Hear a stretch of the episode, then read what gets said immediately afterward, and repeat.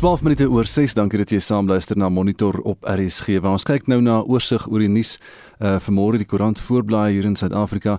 Die burger vandag se hoofopskrif Britse reisbeperkings SA dalk van rooilys toerisme lek lippe af en dit is die nuus wat bekend geraak het uh, die plaaslike toerismebedryf wat dan nou so lippe afleg nadat die Britse Sondagkoerant, ek dink dit was die Sunday Telegraph gister, het berig dat Boris Johnson uh, van dese week al sal aankondig dat 'n groot aantal lande, waaronder Suid-Afrika, van sy omstrede rooilys verwyder gaan word, iets soos 54 lande. En dit is waarna baie mense in die plaaslike bedryf dan uitsien.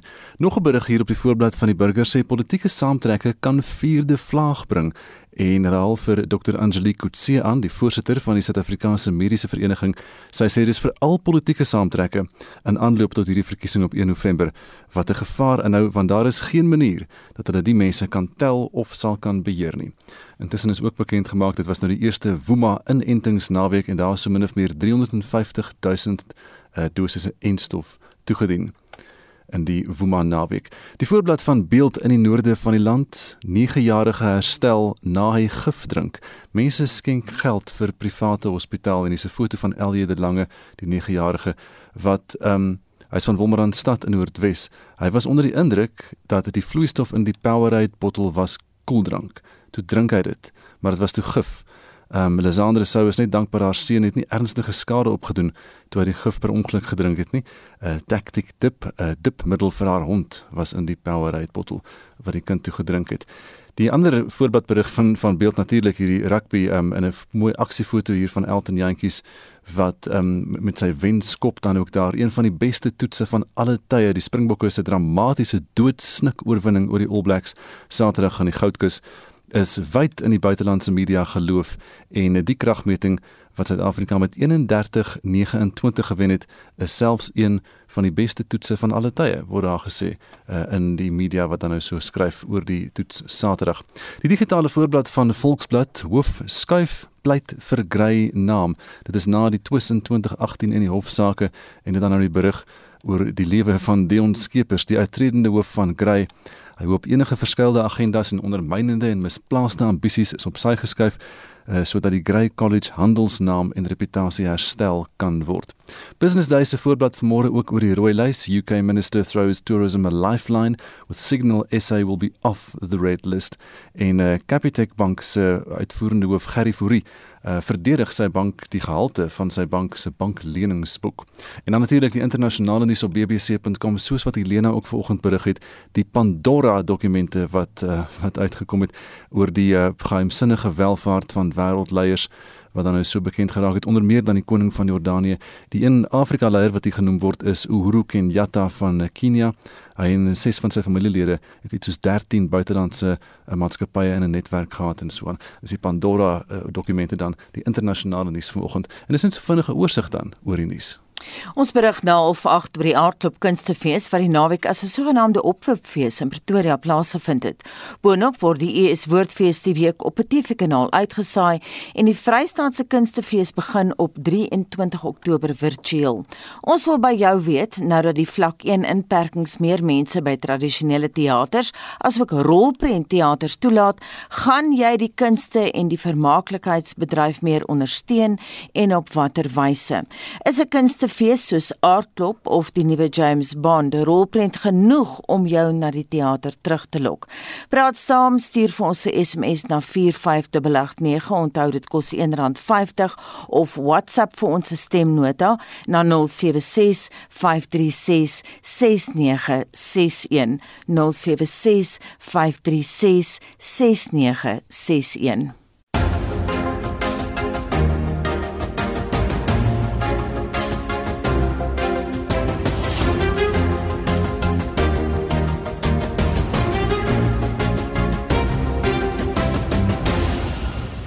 17 minute oor 6 nou by Monitor en verskeie politieke partye het die naweek hulle verkiesingshandveste bekend gemaak met die oog op die plaaslike regeringsverkiesing op die 1 November. Ons het reeds Saterdag uh, op die IDM, die Minority Front, die PAC en die ATM gefokus.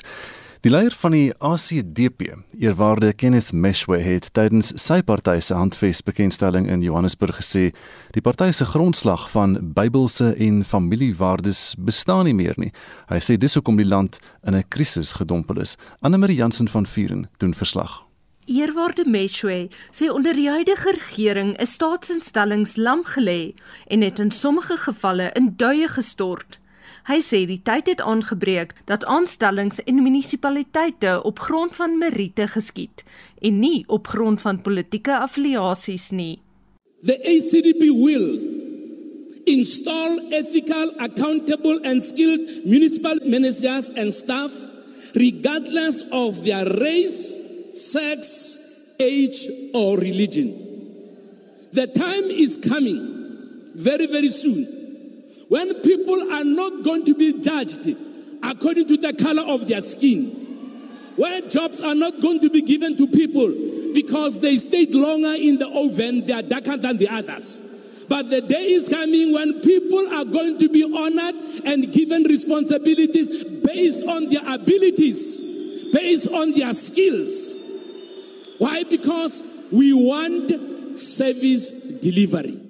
Die ACDP onderneem om klein besighede die enjin van ekonomiese groei te maak. It's us to see metropolis arrest people who are selling food in the streets. ACDP says it is wrong. There are many drug dealers who are allowed to run around.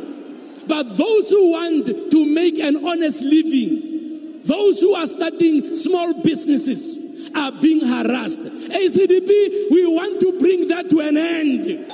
Obviously, we will ensure that there is order. Obviously. We will ensure that everything is done orderly. But it is not right to refuse people who want to make an honest living, harass them, take their goods. Meshwe sê sy party is nie teen inenting nie, maar wel teen geforseerde inenting. Anybody who would be fired from their job because of refusing to take the jab. His organization and the ACDP will take those employers to court. Let us be taken seriously. The promise the ACDP makes is the promise we keep. When God has given us rights, no government, no devil can take away those God given rights. Eerwaarde Kenneth Meshwe, die leier van die ACDP. Die National People's Front se leier, Benkinkosi Gumbi, sê dienslewering gaan 'n sleutelkwessie wees in die komende plaaslike verkiesing. Die NAPF het sy handves in Davidton aan die Oosrand bekend gestel. Die Nysna Onafhanklike Beweging het die voormalige burgemeester van die dorp, Mark Willemse, as sy burgemeesterskandidaat benoem. Willemse was voorheen 'n lid van die DA. Die DA gaan in die 28 dae wat oor is voor die plaaslike verkiesing op 1 November plaasvind, hul verkiesingsveldtog verskerp met die hoof fokus op verbeterde dienslewering in arm gebiede soos informele nedersettings. Die DA het gister by die burgersentrum in Kaapstad hul verkiesingsadvertensie bekend gestel met die slagspreuk ons gaan die werk gedoen kry. Die ANC president Cyril Ramaphosa het sy verkiesingsveldtog in die Oos-Kaap voortgesit waar hy Mbega gister besoek het. Hierdie verslag is saamgestel met die hulp van die SAIK se streke en ek is Anne Marie Jansen van Vuren vir SAIK nuus.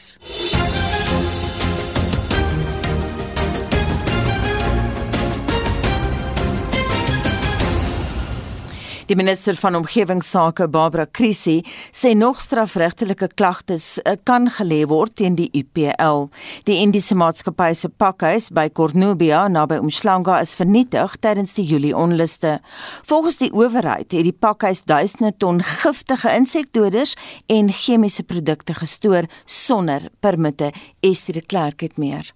Die pakhuis se inhoud was vir 'n hele paar dae aan die brand, wat nie net grootskaalse besoedeling tot gevolg gehad het nie, maar ook chemikalieë in die nabye rivier en riviermond gestort het.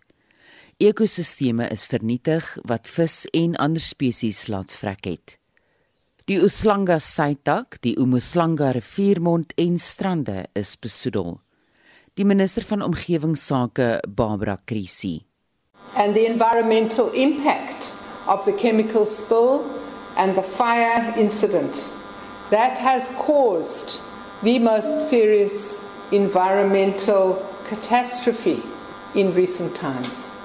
Empirical evidence, ladies and gentlemen, shows that an entire ecosystem, which includes the Ochlanga tributary, the Umhlanga estuary, the beaches, and the coastal environment, not only in the vicinity of UPL, but for several kilometers to the north of the Umhlanga estuary mouth, has been seriously impacted and may take several years to recover from this incident. In the days following the fire, the air quality in the immediate vicinity was also affected. Beaches along this stretch of the KwaZulu-Natal North Coast remain closed. Krisis sê die maatskappy het nie die nodige permitte gehad nie. The findings indicate that UPL was not in possession of the requisite environmental authorization prior to establishing its operations in Cornubia 3 months before the incident. The authorization should have been obtained from the KwaZulu Natal Department of Economic Development, Tourism and Environmental Affairs. In addition, UPL had not obtained a critical assessment or planning permissions from the eThekwini Metropolitan Municipality in terms of the Occupational Health and Safety Act and the relevant municipal bylaws. Had UPL undertaken this process, in our view, it would, in all probability, have been defined as a major hazard institution. Considering the significant volumes and nature of the chemicals stored in that particular location. Accordingly, a criminal case was opened in September at the Verulam police station. Sy sê die lugkwaliteit het verbeter, maar dat die gevaar vir mense se gesondheid steeds 'n groot bekommernis is. Sy sê die owerhede is gevra om 'n mobiele kliniek beskikbaar te stel. Minstens 13 ton chemikalieë en 23 miljoen liter besoedelde vloeistowwe is reeds verwyder.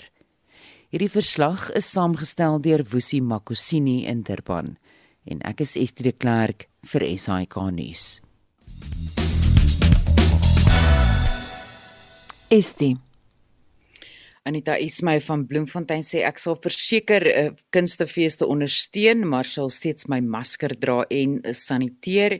En Samuel Walters van Gouda laat weet nee wat ek was al by kunstefeeste, dit is baie vervelig. Ons wil ons praat vandag oor die Aardklop Kunstefees wat die naweek as 'n opwipfees plaasgevind het en die ES Woordfees wat die week op televisie uitgesaai word en ook die Vrystaat Kunstefees wat op die 23ste Oktober virtueel begin. En ons wil vandag by jou weet nou dat die vlak 1 inperkingsmaatreëls meer mense by tradisionele teaters en rolprentteaters toelaat, gaan jy die kunste en vermaaklikheidsbedryf meer ondersteun en op watter wyse gaan jy dit doen? Stuur vir ons 'n SMS na 45889 onthou dit kos R1.50 per SMS of WhatsApp vir ons stemnota na 0765366961. Dis nou so 25 minute voor 7 jy is ingeskakel by Monitor op RSG. Die vakbond Solidariteit dien vandag 'n klag in teen die Suid-Afrikaanse regering in Genève in Switserland. Die regstryd by die Verenigde Nasies duur al sedert 2016. Die klag is ingevolge die internasionale konvensie vir die uitskakeling van alle forme van rassediskriminasie wat deur Suid-Afrika bekragtig is. Ja, die bestuurshoof van Solidariteit, Dr Dirk Herman, praat vanuit Genève met ons vanoggend. Goeiemôre Dirk. Goeiemôre Anita. Ons het nou eh, kortliks in die inleiding verwys na die klag wat ingevolge die internasionale konvensie vir die uitskakeling van alle forme van rassediskriminasie is, maar gee vir ons 'n bietjie meer vleis aan daai bene. Wel, hierdie klag word ingedien in gevolge die konvensie vir die uitskakeling van alle forme van rassediskriminasie. Ironies is hierdie konvensie 'n konvensie wat hier in die 60er jare aanvaar is en dit is 'n konvensie wat deur die ANC gelobby is by die VN teen die vorige regering se beleid van rasseklassifikasie en ironies word hulle nou aangekla vir rasseklassifikasie ingevolge hierdie spesifieke konvensie. Die konvensie verbied alle forme van rassediskriminasie, maar dan word daar 'n um, voorsiening gemaak vir uitsonderings spesifiek dan vir wat hulle noem positiewe maatreëls. Dit is nou regstellende aksie. Dan as jy regstellende aksie beleide het, dan moet dit aan ongelooflike streng voorwaardes voldoen omdat dit forme van diskriminasie is soos byvoorbeeld dat dit nie aparte um, regte of aparte groepe skep nie. Dit moet genuanceerd wees. Dit mag nie permanent wees nie. Nou Suid-Afrika oortree bykans elke een van daardie uitsonderings wat hulle dan skuldig kan maak aan rassediskriminasie. En dit is dan binne daardie raamwerk waar hierdie klag dan ingedien word. Dirk, ek sien die naweek was daar beriggewing hier oor wat uh, waar vir jou gevra het ook ehm um, hoekom probeer hulle hierdie probleem binne in Suid-Afrika, binne in die Suid-Afrikaanse politieke konteks oplos nie. En wat ek vir jou wil vra is Dan Geneva waar jy nou is, hoe ontvanklik is is die VN vir is daar ook 'n gevoel dalk dat jy moet hierdie binnelands oplos of nie? Wel die uh, VN is baie streng daaroor. Hulle sê dat alle interne remedies moet eers uit um, geput word. So dis hoekom dit so 'n ongelooflike lang proses is al van 2016 af. Nou wat gebeur is jy die eers 'n skadeverslag in wat ons gedoen het, ehm um, waar jy dan ook in interaksie met die regering tree en dan maak die VN sekere aanbevelings en dit het hulle gedoen in 2016. Hulle het toe die regering gekritiseer oor die regering se apartheid rasseklassifikasie en dan moet ons weer in gesprek tree met die regering wat ons ook gedoen het en dan vereis hulle ook dat jy in Suid-Afrika deur die hele proses moet gaan ook deur hofprosesse. Dit het ons ook gedoen.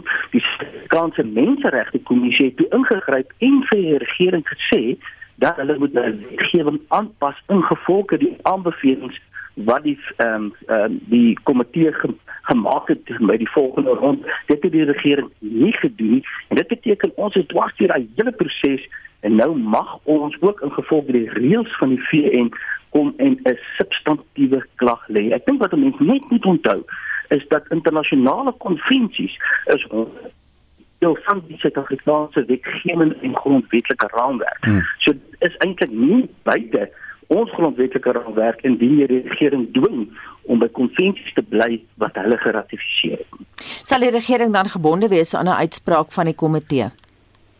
Nommer 1 is die regering het hierdie spesifieke konvensie geratifiseer. Dit beteken dus dat hulle is gebonde. Ehm um, om die waarheid te sê, ons eie plaaslike wetgewing sê dat ons moet ons wetgewing aanpas volgens die konvensie wat ons geratifiseer het. Dit beteken dus dat die komitee kan optree teen die regering en hulle dit nie daarby bly nie. So dat hulle is beslis gebonde aan hierdie spesifieke uitspraak. Hoe kan die komitee optree? Alles eintlik maar is eintlik maar twee maniere as die regering weier want dit sal dit sal natuurlik vra as jy nou gesien by die eerste een is ongelooflike diplomatieke druk ag hulle kan teoreties geskort word uit die komitee uit. So dis 'n politieke uh, diplomatieke proses van die komitee, maar die tweede proses wat eintlik nog sterker is, is omdat ons ons plaaslike wetgewing ons eie wetgewing daarvolgens moet aanpas, kan solidariteit dan deur plaaslike howe hierdie uitspraak afwag. Wat is die regering se reaksie as hulle daar opdaag en en hierdie dinge met die VN doen? Kry hulle ook 'n spreekbeurt? Hulle kry en hulle was die vorige keer ongelooflik kwaad geweest. Hmm.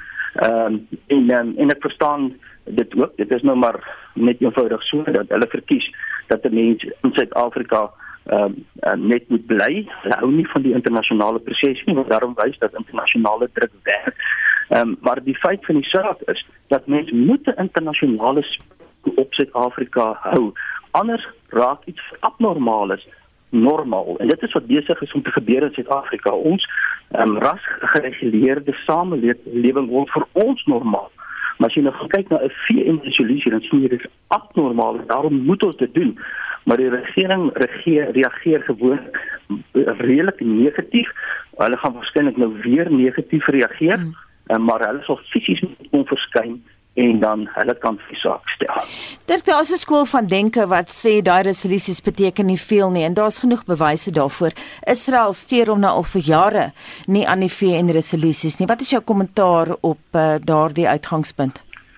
Wel, die vraag is of ons regering ernstig is om 'n uh, land te wees wat sy demokrasie handhaaf en resolusies is iets wat dan spesifiek um, uh, op internasionale um, vlak regerings dwing om te hou by internasionale beste praktyke.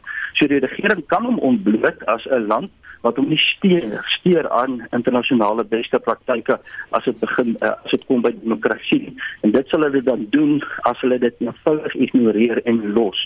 En wat belangrik hier is, ons het nog 'n regstaat wat werk en dit beteken dat ons dan ook in Suid-Afrika van die regstaat hier kan gebruik maak om die regering te dwing om by hierdie resolusies te bly. Dirk selfs al doen die regering niks nie.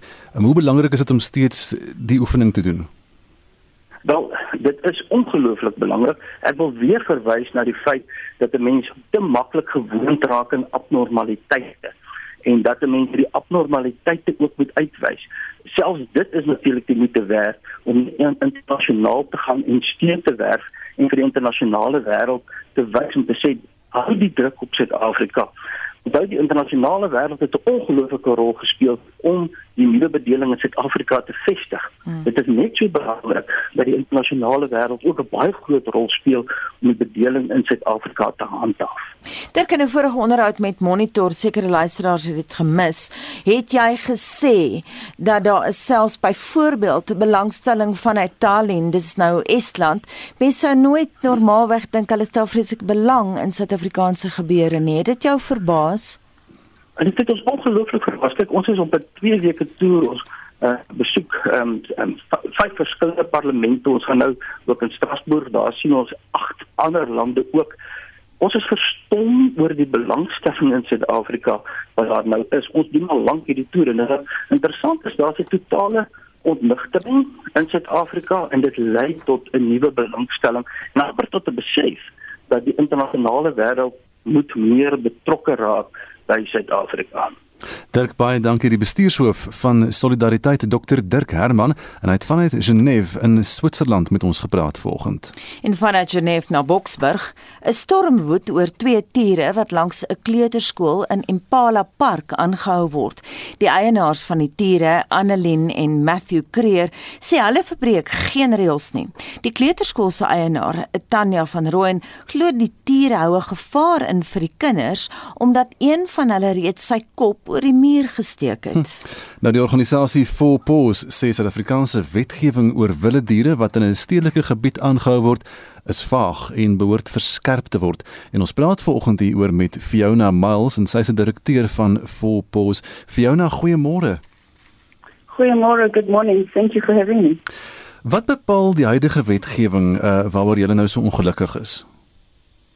Well, uh, currently the the law basically allows for uh, tigers to be held in private keeping in South Africa, and specifically in Gauteng, there isn't uh, as much regulation as there is in other parts of the country. Um, and this, of course, is what's what's really uh, not not appropriate. There needs to be really strong laws in place to protect wild animals that are in captivity. Because in South Africa, there's more than 12,000 lions and more than 1,500 tigers in captivity in private keeping across the country.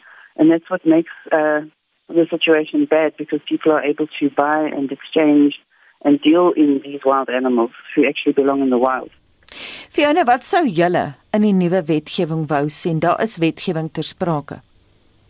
That's right. So amazingly uh on the 2nd of May this year, uh, Minister Creasy, the Minister for Environment, uh, made the announcement that uh, there was going to be huge changes uh, for the for the law, and that included um, the reversal and the halt of the domestication of lions in South Africa so that we can start to do away with the captive lion breeding um, industry so that we can stop uh, a lot of the cruelty that happens there. And basically, um, what we're calling for is that it includes all big cats. Tigers are not included currently in that proposal, and what we'd really like to see is that all big cats that are held in captivity in South Africa are no longer being used for breeding um, for the purpose of uh, human interaction, for the purpose of private ownership, for the purpose of hunting, for the purpose of trade and their and their bones. Um, so, yeah, we're really hoping that the, the law comes into place that really sees an end to the suffering for big cats in South Africa. Hoe algemeen is hierdie probleem van mense wat eksotiese diere in in stede en metropolitaanse gebiede aanhou? Gebeur dit baie? It does happen a lot. We've received many reports uh, over a number of years where people have said they've spotted a tiger in somebody's backyard or or various other um, wild animals for that matter. Excuse me. And basically, as I mentioned, there's 1,500 tigers uh, in South Africa, yet there's only 4,000 left in the wild around the world. And so we really need um, where those animals, and they're obviously not uh, indigenous to South Africa, so it is maybe seen as something like a status symbol or something to have. Um, whereas these are wild animals, they belong in the wild, and we really would like the states, you know, the range states where these animals come from, Mm. uh, such as India, for example, to really call on South Africa also to, to, to put a halt to this. Fiona is baie interessant. Jy het nou verwys na daar's 1500 tiere in Suid-Afrika, dis ook in metropolitaanse gebiede en so. aan. Mens kan nie glo dat daar nog nooit 'n insident was nie, nog nooit 'n probleem was of iemand aangeval nie. Interestingly enough, Fulpos actually uh, published a report earlier this year called The Vicious Cycle. And therein we, um, aside from, from showcasing some, some case studies about uh, various incidents in the country and different case studies about um, just how dangerous the situation is for workers um, who are working in these facilities that are breeding animals. Um, it, we also just kind of laid out what happened over the last 10 years in terms of incidents, and there were many incidents, whether they were in some of the, the, the, the captive facilities where workers were hurt, um, all the way through to perhaps where tourists and, and other people have been injured in um, tourism facilities. So there's been many incidents. One would just think that it would be enough to now really, you know, put a stop stop to this. So that's why I think the decision made by the government has been so crucial. Um, and luckily, they've actually opened up the the um, public comments uh, where people can actually comment on this legislation up until the 12th of October. Mhm. And so we would encourage everybody to go and, and um, support this new policy and call for all big cats to be included in the new policy for protection of big cats in South Africa. Net baie kortliks, kry jy 'n interessante reaksie van die publiek af Fiona? Yes, the public has been contacting us a lot over the last uh, week since this was made um, headlines, basically asking what we can do because obviously most people don't want to see anybody injured. Most people don't want to see anybody hurt, either the animals um, or the owners or the, the, the, the, the neighborhood. So, yes, I think most people understand that it's not the right thing to do. Fiona baie dankie Fiona Miles is die direkteur van Volpos. Nou COVID-19 kan gepaard gaan met 'n reeks mediese toestande. Die siekte kan ook nagevolge hê lank nadat jy genees is en een toestand wat nou wyd opgeteken is is anosmie waar die reuksintuig aangetast word. Ja, dit is 'n nuwe woord geleer vir So vinnig, vinnig. vinnig vinnig. Vir meer daaroor praat ons nou met die voorsitter van die Suid-Afrikaanse Mediese Vereniging, Dr. Angelique Kutse. Môre Angelique. En môre Anita, môre Gustaf. Hoekom word COVID-19 pasiënte se reuksintuig aangetast? So jou reuksintuig is deel van jou lugweg. Mhm. Ehm ehm so ook jou smaak. Ehm ek bedoel jy haal deur jou mond asem. Jou smaakreseptore sit op jou tong en dan van in in, in die neus help jy ook om te kan smaak onderskei en dan reuk definitief van die neus af. So COVID-19 is slijmvlies siekte. Ehm um, soos ons sê van die boonste lugweë. En daarom word hierdie aangetast. Die vraag is hoe lank kan jy sonder smaak of reuk bly? En die eenvoudige antwoord is ons weet nie dit hang af van persoon tot persoon. Dit verskil, dit hang af van hoe groot jou lading, viruslading was of jou infeksielading was, hang af van jou immuunstelsel. En wat lang COVID aanbetref, is daar so baie goed wat ons nie weet hoe lank dit gaan wees nie. Ons weet die meeste van hierdie siektes wat die ouens nou mee sit. Maar die ja. hoe en hoe om dit te behandel, dit is nie daar's nie antwoorde nie. Jy sê dit verskil van mens tot mens. Nie almal ondervind die die simptome van die van die van die reuk en die smaak nie. Dit is naamlik algemeen, maar hoekom kom dit by sommige mense voor en ander dan nou weer nie? Soos ek sê, ek dink dit hang alles af van die hoeveelheid viruslading wat jy het hmm. en dan van jou immuunstelsel. En baie mense het 'n baie sensitiewe reuksintuig. Ehm um, jy weet ons is nie almal dieselfde nie. Jy kan dit baie maklik sien met mense wat gedurig deur sinus kry. Ehm um, sinus is eintlik maar irritasie vir lugweef met lugbesoedeling. So as jy reeds al 'n uh, baie sensitiewe smaak en reuksintuig het, dan gaan jy waarskynlik meer aangetast word as die ander persoon wat dit nie het nie. Ehm um, en ek dink dit is die eenvoudige antwoord van hierdie maar dit lê op die slijmvliese noem dit boonste ligweg is. Hmm. Jy het nou gesê die behandeling is moeilik, maar daar is mense wat sê jy kan jou reuksintuig prikkel, self prikkel. Ek is nie bewus daarvan nie. Um, ek is nie bewus van studies wat uh, as ek nou sê studies dan praat ek asseblief tog ek praat van wetenskaplike studies wat ge wat gepeer-review is soos wat ons praat in wetenskaplike tydskrifte. Ek, ek praat dit is waarvan ek praat. Ek is nie bewus daarvan nie. Ehm um, ek weet daar's baie homeopatiese ehm um, raad daar buite en ehm um, as dit veel werk doen dit probeer. Ja.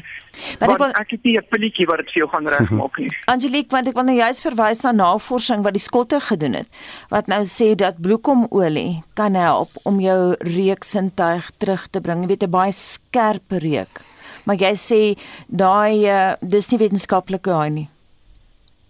So, so ons weet dat baie mense stoom met bloekomolie. Mm.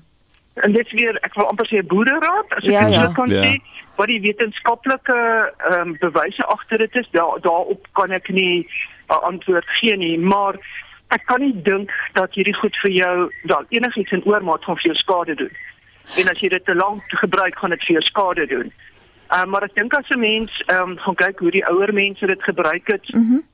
en en wat die homeopate omtrent dit sê dan kan ek nie sien hoekom kan 'n ou dit nie gebruik nie maar soos in enige ding maatigheid hmm. jy moet jou grense ken Waar sit die jy praat nou van die slijmvliese wat aangetast word deur die viruslading waar jou reuk en jou en jou smaaksintuig in die boonste lugweg sit is dit nie iets in die brein ook nie Ehm um, ja ek bedoel die sentrum word kom van die brein af hmm. maar daai lê hy gaan nie direk na die brein toe nie maar wat ons wel weet is dat die virus ehm um, gee vir ons veral op die breinvlak mm. geweldige ehm um, by die by die algemene publiek sien ons ehm um, geweldige ehm um, depressie, ehm um, angs um, ons sien dat hulle geheue aangetast word, ons sien dat um, weet van die brein se kant af wat baie van die mense sukkel met 'n met 'n duisterheid um, of 'n vertigo.